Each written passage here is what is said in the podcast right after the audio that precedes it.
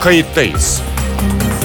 Gazeteci Mete Çubukçu konuklarıyla haftanın gündemini konuşuyor. Tarihi yaşarken olaylara kayıtsız kalmayın.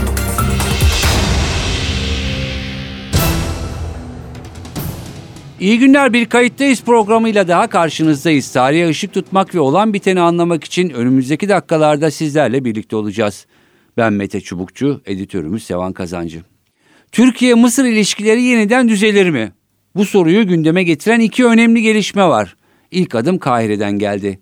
Mısır Akdeniz'de 24 parselde petrol ve doğalgaz arayacağını ilan ederek ihaleye çıktı. Bu ihalede Türkiye'nin Birleşmiş Milletler'e bildirdiği kıta sahanlığı sınırlarını dikkate aldı. Bu gelişme sonrası Dışişleri Bakanı Mevlüt Çavuşoğlu olumlu bir adım atıldı. İlişkilerimizin seyrine göre deniz yetki alanları meselesini Mısır'la müzakere edip bir anlaşma imzalayabiliriz dedi. Bir süredir istihbarat örgütleri düzeyinde görüşmeler de vardı, bilgileri geliyordu. Peki bu siyasi bir diyaloğa evrilir mi? İlişkiler 2013 öncesine döner mi? Kayıttayız da bu sorulara yanıt arayacağız. İki konuğumuz olacak. Kayıttayız'ın konuğu Profesör Hasan Ünal. Hasan Ünal, Maltepe Üniversitesi öğretim üyelerinden. Hoş geldiniz programımıza. Hoş bulduk. İyi yayınlar efendim. Çok teşekkürler. Ee, içinde bulunduğumuz e, hafta e, Dışişleri Bakanı e, önemli bir e, açıklama e, yaptı. E, bilmiyorum belki daha önceden altyapısı oluşturulmuş muydu değil miydi ama e, özellikle Mısır'la e, yeni bir e, adım atılabileceğini, e, ilişkilerin seyrine göre e, müzakere edileceğini belli konuların özellikle Doğu Akdeniz e, bağlamında söyledi. E, Türkiye ile Mısır'ın arası uzun süredir e, açıktı, e, bozuktu. Bu Doğu Akdeniz'den dolayı da e, gerilmişti. Bu e, ne dersiniz sürpriz oldu mu yoksa e, bunun altyapısı daha önceden hazırlanıyor muydu? Şimdi altyapısının hazırlanıp hazırlanmadığını bilmiyorum ama altyapısı inşallah hazırlanmış mıdır diyorsanız inşallah demek isterim. Çünkü e, altyapısı hazırlanmadan böyle bir şeyin yapılması doğrusu e, bir anlam ifade etmeyebilir. Hı. Şöyle ki Türk yetkililer yakın zamanlarda Mısır ve İsrail ile ilgili olarak bu tür bir takım açıklamalar yaptılar. Bu belki de kamuoyu önünde bir Dışişleri Bakanımızın ilk defa bu kadar geniş kapsamlı bir şekilde söylediği bir e, bir cümle. Hı e, bu yönüyle anlamlı olabilir. Doğru olabilir. Mısır'ın verdiği bir ruhsatlandırma üzerine orada Türkiye'nin e, kıta sahanlığı ve dolayısıyla münasır ekonomik bölge haklarına riayet edecek şekilde ruhsatlandırma yaptığına dair haberler üzerine bakanın e, yaptığı bir konuşma. Şimdi yalnız Şöyle de bir tarafı var bunun. Normalde şunu demesi lazım Bakan Bey'in. Yani biz Mısır'la e, münasır ekonomik bölge anlaşması imzalamak da dahil olmak üzere bütün ilişkilerimizi normalleştirme taraftarıyız. Bu konuda üzerimize düşeni yapmaya hazırız. Bu konuları görüşmeye hazırız gibi söylemesi daha yerinde olur. Belki Çünkü, daha tam o kıvama gelmedi belki dedik tam. Eğer o kıvama gelmediyse o zaman fazla da bir anlam ifade etmeyebilir de. Hı hı. Sadece ihtiyaten söylüyorum bunu. Edebilir de bilemiyorum bilmiyoruz. Altta ne görüşülüyor? Evet. Peki. Bir de alttaki görüşmeler Hı-hı. eğer sadece istihbarat örgütleri düzeyinde ise ve sadece istihbari konuları kapsıyorsa örneğin Libya'da iki ülke arasında bir çatışma ortamına sürüklenmemek, buna benzer provokatif şeyler konusunda e, e, önceden e, bilgi ve haber alışverişi içinde olmak, dikkatli olmak, bunun gibi konularsa bu bizi fazla bir yere götürmez. Anladım. Çünkü iki ülke arasında bu tür anlaşmalar yapılabilmesi için taraflar arasındaki ilişkilerin güven ilişkisi şeklinde yeniden güncellenebilir hale getirilmesi lazım.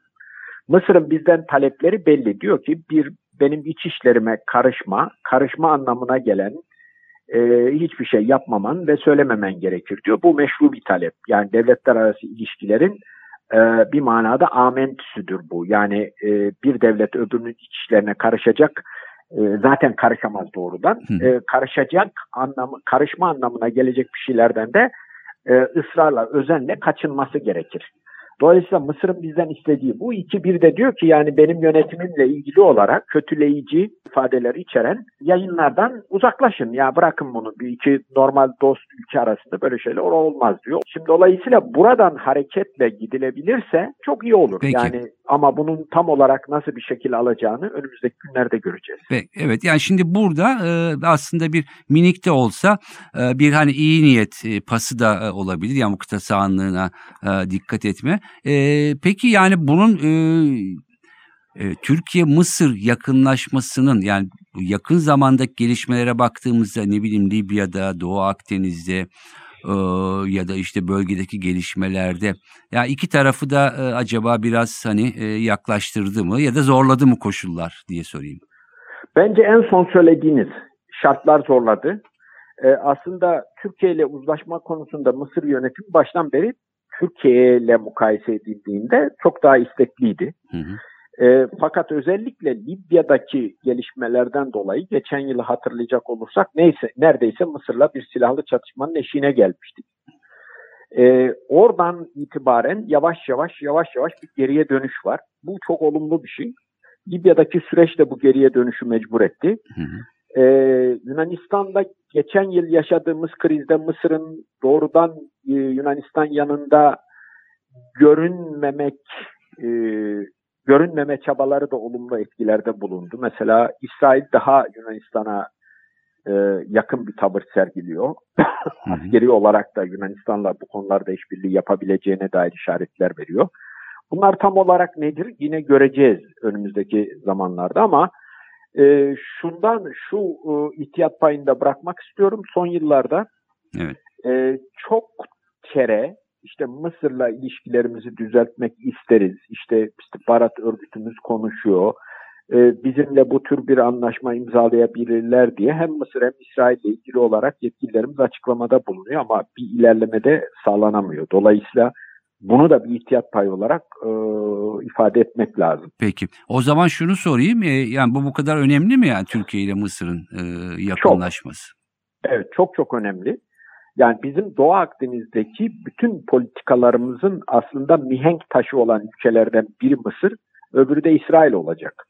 Ee, eğer Libya ile yaptığımız deniz yetki alanları sınırlandırma anlaşmasını benzeri ilkeler üzerinden Mısır'la da yapabilseydik ta o zaman muazzam ilerleme kat etmiş olacaktık. Yunanistan'ı ve Kıbrıs Rum kesiminde büyük ölçüde izole etmiş olacaktık bölgeden. Hı hı. Ee, şu anda orada epeyce geri adım at, yani bizim aleyhimize adımlar atılmasına sebebiyet vermiş olduk.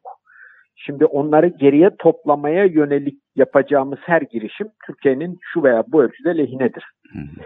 E, Ve sonraki aşamalarda da yani unutmayalım ki Mısır şu veya bu şekilde Arap dünyasının lideridir ya da lider ülkelerinden bir tanesidir.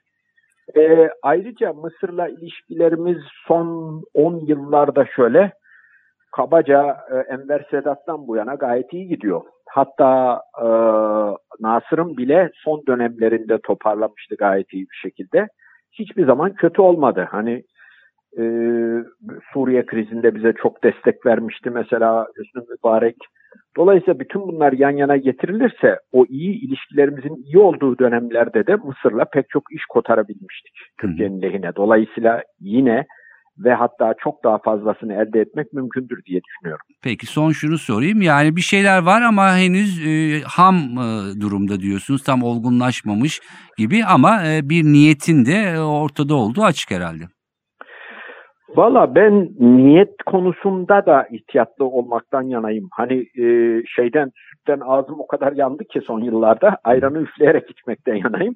Çünkü e, son yıllarda bu Mısır ve İsrail konusunda yetkililer e, işte bu deniz yetki alanları anlaşması yapabiliriz tarzında açıklamalar yapıyorlar. İstihbarat örgütleri görüşüyor zaten diyorlar ama arkası gelmiyor. Hı hı. Bu defa da aynı ihtiyatlı tavrı sürdürüyorum ama öte yandan şartların da bizi böyle bir anlaşmaya mecbur ettiğini söylemek istiyorum yani. Peki. Ee, Hasan Ünal çok teşekkür ediyorum programımıza Ben katıldığınız ve efendim. e, görüşleriniz için. Sağ olun.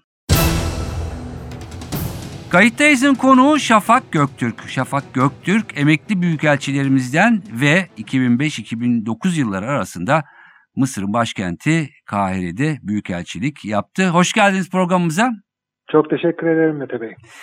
Ee, ne dersiniz hafta içinde Dışişleri Bakanı Çavuşoğlu'nun Mısır'la e, ilgili özellikle bu deniz yetki alanları meselesinden yola çıkarak e, bir Mısır'la müzakere edip bir anlaşma imzalayabiliriz dedi. Ya bilindiği gibi yani sorunlu e, ilişkiler ama e, e, şimdi siz diplomat olarak e, bu cümleyi e, yani bir iyi niyet mi yoksa hakikaten bir e, yavaş yavaş altyapısı e, e, oluşturulmaya çalışan, çalışılan bir durum olarak mı değerlendiriyorsunuz? E, Bunu olumlu bir beyan olarak kabul etmemiz gerekir. E, İki ülke arasında son yıllarda yaşanmakta olan gerilimli ilişkilerin bir ışığında. Hı hı. Diğer taraftan bunun e, nedenli bir sonuç alıcı hamlenin başlangıcı olabileceğine dair bir öngörüde benim dışarıdan bulunma mümkün değil. Hı hı. Ee, peki e, yani bu daha önce e, Türkiye'de yetkililerin, Dışişleri Bakanı, diğer yetkililerin e, yani istihbarat servislerinin görüştüğünü birkaç defa söylemişti. Hani bizim arka kapı diplomasisi dediğimiz bir süreç e, işliyor olabilir mi? Bu tür durumlarda işler mi? Yani ben onu hiçbir zaman anlayamadım. E, her zaman e, ülkelerin değişik devlet servisleri temaslarda bulunabilirler. Yani bu ilişkilerin iyi olmadığı zamanlarda da gerçekleşebilir. Hatta yani ilişkilerin tabiatı itibariyle bazı e, kanallarda, farklı kanallardan görüşmeler ilişkilerin olumlu seyretmediği dönemlerde e, daha da kullanılır hale gelebilir. Hı hı. Ama yani bu e, böyle bir sürecin iki ülke arasındaki ilişkileri tekrar düzlüğe taşımasını beklemememiz gerekiyor. Hı hı. Bu açıdan arka kapı gibi bir tabir değil, diplomasinin zaten büyük bölümü gizli yapılır. Hı hı. Yani öyle e, bu şey e, megafonla e, yapılan bir iş değildir diplomasi. Dolayısıyla zaten diplomasinin kendi yerleşik bilinen kanalları e, ikili ilişkilerin e, tekrar e, sağlıklı bir şekilde düzenlenmesi için izlenmesi gereken yoldur. Hı hı. Ee, peki özellikle Mısır'ın yani bu son e, dönemde Türkiye'nin kıt- kıta sahanlığı en azından sınırların dikkate alarak öyle bir harita çizmesi e, bir yani iyi niyet göstergesi midir sizce ne dersiniz? Şimdi e, Mısır'la e, bir sınırlandırma olacaksa bu kıta sahanlığı değil münhasır ekonomik bölge yani deniz yetki alanları itibariyle olacaktır. Hı hı. E, münhasır ekonomik bölgelerin e, Doğu Akdeniz'de e, kesiştiği bölge itibariyle olacaktır. Şu aşamada e, Mısır'la nasıl bir e, noktada bulunuyor onu ben doğrusu bilemiyorum. Ben 2005-9 arasını e, biliyorum. O dönemde de Yunanistan'ın e, Mısır'la e, bir e, deniz yetki alanı sınırlandırma anlaşması yapma çabası vardı. Çünkü bir hatırlayacaksınız 2003 yılında e, Güney Kıbrıs yönetimiyle Mısır bir e, e, anlaşma yapmıştı. E, Evet. karşılıklı sahiller arasında Kıbrıs adasının güneyi ve e, kendi sahilleri arasında ve biz bunu tabii e, kabul etmemiştik. Adanın tamamını temsil eden bir hükümet olmadığı e, Hı gerekçesiyle e, zemininden hareketle kabul etmemiştik. Yoksa e, e, Kıbrıs'ta e, her iki halkı da temsil eden bir hükümet olsa ve e, Mısır'la bir e, münhasır ekonomik bölge bir deniz yetki alanı anlaşması yapsa gayet tabii bizim için bir sorun değil. Bu siyasi sorunun bir uzantısı olarak e, bu konudaki yetki alanı anlaşmasını e, e, bizim açımızdan bir hüküm içermediğini e, Birleşmiş Milletler nezdinde kayda geçirmiştik. Yunanistan'ın çabaları da e, bunun ardından gelmişti. Hı hı. E, biz bunu benim işte e, Kahire'de bulunduğum 4 sene içinde e, bu çabaların yoğunlaştığı bir dönemde biz de e, Mısır'la denizcilik istişarelerini başlattık. Evet. Ve bunlar çok yararlı oldu. Çünkü bu sadece deniz yetki alanlarının sınırlandırılması değil, iki ülkenin, Doğu Akdeniz'in iki nazım ülkesi, biri güneyine, birisi de kuzeyine e, teşkil eden e, iki coğrafya arasında nasıl bir ilişkinin e, oluşturulabileceği, derinleştirilebileceği konusunda çok kapsamlı bir e, istişare süreci olmuştu. Ve bu e, Yunanistan'ın e, o sıralarda bir e, anlaşma yapma e, çabaları da e, bir e, meyve vermemişti. Anladım. Şimdi buradaki dikkat burada dikkat edilmesi gereken husus e, Doğu Akdeniz'de deniz yetki alanları deyince Türkiye kuzey sahillerinde, Mısır'da güney sahillerindeki ana ülke bulunduğumuz yerde. Hı hı. Dolayısıyla herhangi bir e, sınırlandırma, bir genel e, bütün ülkeleri de kapsayan bir rejim tesis edilecekse Türkiye ve Mısır'ın durdukları yer çok önemli olacaktır. Biz hep bu e, noktadan hareket ettik. Biliyorsunuz Yunanistan'la e, hem Ege'de hem Doğu Akdeniz'de e, ihtilaflıyız. Evet. Bu Doğu Akdeniz bakımından e, ihtilafın en önemli unsuru Meis Adası'na ilişkin Yunanistan'ın maksimalist iddiaları. Hı hı. Mısır her zaman e, Meis Adası'nı e, Yunanistan'ın gözüyle görmediği için yani onun yetki alanlarının tespi, tespitinde o şekilde o adanın bir etkisinin olacağı konusunda her zaman tereddüt taşıdı. Hatta bunun gerçekçi olmadığını bildiği için Hı hı. e, Yunanistan'la e, bir anlaşmaya yanaşmadı. Benim tahminim şudur, yani dışarıdan bakarak söylüyorum sadece. Bizim Libya ile yaptığımız e, anlaşma, Hı hı. yani e, iki ülkenin deniz yetki alanlarının kesiştiği e, iki noktanın e, Doğu Akdeniz'de Girit Adası'nın güneydoğusunda e, oluşturulan iki noktaya ilişkin anlaşmamızı gördüğünde Mısır e, Yunanistan'ın kendi üzerinde e, e, sürdürmekte olduğu anlaşma yapalım baskısına olumlu yanıt verdi. Hı hı. Olumlu yanıt vermesinin e, şimdi burada e, telefonda e, önümüzde haritalar olmadığı için Evet. bunları anlatmak zordur. Fakat e, ben iki haritayı üst üste koydum. Yani hem bizim e, Libya ile yaptığımız anlaşmanın koordinatlarını içeren anlaşmayı hem de Yunanistan'la Mısır arasında yapılmış olan anlaşmaların koordinatlarını. Şöyle bir durum ortaya çıkıyor. Türkiye ile e, Mısır'ı bu konuda e, işlemi, e, bir anlaşmayı tacil etmeye yönelten husus e, Türkiye ile arasındaki e, ilişkilerin olumsuz seyri değildi öncelikle. Hı hı. Onu e, bu şekilde e, bir anlaşma imzalanma imzalamaya imale eden temel husus Libya'ya Libya lehine deniz alanı kaybediyor olmasıydı. Türkiye-Libya anlaşmasından dolayı. Hı hı. Bunu e, şimdi bütün şey 26 ve 27. E, boylamlar arasındaki farklı sınırlandırmalardan kaynaklanıyor. Anladım. Mısır orada belirli bir deniz alanını Libya'ya kaybediyor gözüküyor bizim anlaşmamızda. Libya ile yaptığımız anlaşmamızda. Hı hı. Yani ileride bir tarihte Türkiye ve Yunanistan kendi aralarında ihtilaflarını çözüp Doğu Akdeniz'de deniz yetki alanlarını sınırlandırdıkları takdirde dahi o bölgede iki ülkenin herhangi bir hakkı olmayacak. Bu Mısır'la Libya'yı ilgilendiren bir konu olmaya devam edecek. Evet. Yani dolayısıyla benim e, burada gördüğüm yani. Mısır'ı niçin e, birden geçtiğimiz Ağustos ayında e, böyle bir anlaşmayı artık yapalım e, dediğini e, ben en e, somut olarak bu şekilde açıklayabiliyorum. Ayrıca bu anlaşmayı yaparken de yine bir şeye dikkat etmiş Mısır. Meis Adası'nın iz düşümü olan bölgeye getirmemiş çizgiyi. Hı hı. Yani sınırlı bir bölgede duruyor Yunanistan'la yaptığı e, anlaşma. Anlaşma. Anladım. Evet. Peki e, bu açıdan e, önemli. E, yani siyasi olarak e, ilişki en alt düzeyde e, uzun bir süredir. E, bu Doğu Akdeniz'deki gelişmelere de e, yansıdı. E, son dönemde belki hani bir takım e, geri dönüşler ya da farklı hamleler e, olabilecek gibi. Şunu sorayım o zaman son olarak. Yani önemli midir? Tamam Doğu Akdeniz'den bahsettiniz Türkiye'nin ve Mısır'ın konumunu ama onun dışında Türkiye, Mısır ya da Mısır Türkiye için ne ifade eder? E, Türkiye Mısır için ne ifade eder? Onun dışında daha e, ya da bir takım konjonktürler mi yavaş yavaş belki eskiye olmasa bile e, ilişkileri biraz daha yumuşatmaya e, zorladı mı acaba? Şimdi bakın e, devletler arası ilişkilerde sadece çıkarlar vardır. Hı hı, Dolayısıyla ideolojik, duygusal bütün e, mülahazaları bir tarafa bırakmanız gerekir. Bunlar işin içine girdiğinde siz çıkarlarınızla aşınmaya, uğramaya başlarsınız. Yani bu iki kere iki dörttür. Yani bunu 40 yıl bu mesleği yapmış birisi olarak ben size söylüyorum. Şimdi e, Türkiye ile Mısır demin e, bu sınırlandırma ile bağlantılı olarak söylediğim gibi Doğu Akdeniz'in iki nazım ülkesi, iki başak ülkesi.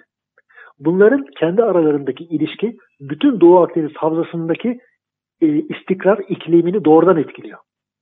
Bu tarih boyunca da böyle olmuştur. Şöyle e, ben e, hani herkes e, tarihe çok meraklı olmayabilir ama bugün anlamak bakımından tarih önemlidir. Ne zaman ki Türkiye ve Mısır coğrafyaları aynı e, barış ya da egemenlik düzeyi, düzeyini içinde kalmış, o dönemler ve bütün Doğu Akdeniz istikrar görmüş. Bugün tabii e- egemen eşit devletler arasında bu ilişkiler sürüyor. Kimse imparatorluklardan bahsetmiyor. Kimse kimse- kimseden üstün değil. Hı hı.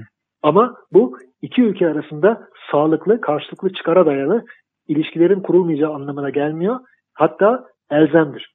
Benim orada bulunduğum dönemde ekonomik ilişkilerimizde, siyasi ilişkilerimizde e, çok ileri noktalara varmıştı. Bu benden kaynaklanan bir şey değil. O dönem e, hep birlikte neler yapabileceğimiz üzerinde e, duruyordu karşılıklı olarak hükümetler. Bugün de bunun tekrar bu noktaya dönülmemesi için hiçbir objektif gerekçe e, e, görmüyorum. Peki.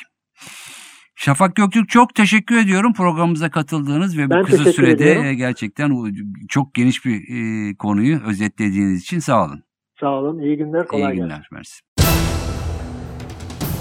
Evet görüşler böyle. Sanki Doğu Akdeniz meselesinden yola çıkarak Libya'yı da içine katarsak yine Orta Doğu ekseninde Türkiye ile Mısır arasında hemen olmasa bile bir ilişki düzeyi sanki e, aranıyor, gelişiyor gibi görünüyor. Gerçekten uzmanlarımızın söylediği gibi Türkiye ile Mısır'ın e, özellikle Akdeniz'de belli bir düzeyde anlaşmaya varması farklı alanlardaki e, belki sorunların bertarafı içinde bir öncü girişim olacak gibi görülüyor. Yani e, önemli bir konu önümüzdeki günlerde ya da bu yıl içinde bu konuyu birkaç defa daha konuşabiliriz. Ben Mete Çubukçu editörümüz Sevan Kazancı. Kayıttayızdan bu haftalık bu kadar. Haftaya farklı bir konuda yeniden buluşmak üzere. Hoşçakalın. Kayıttayız. Gazeteci Mete Çubukçu konuklarıyla haftanın gündemini konuşuyor. Tarihi yaşarken olaylara kayıtsız kalmayın.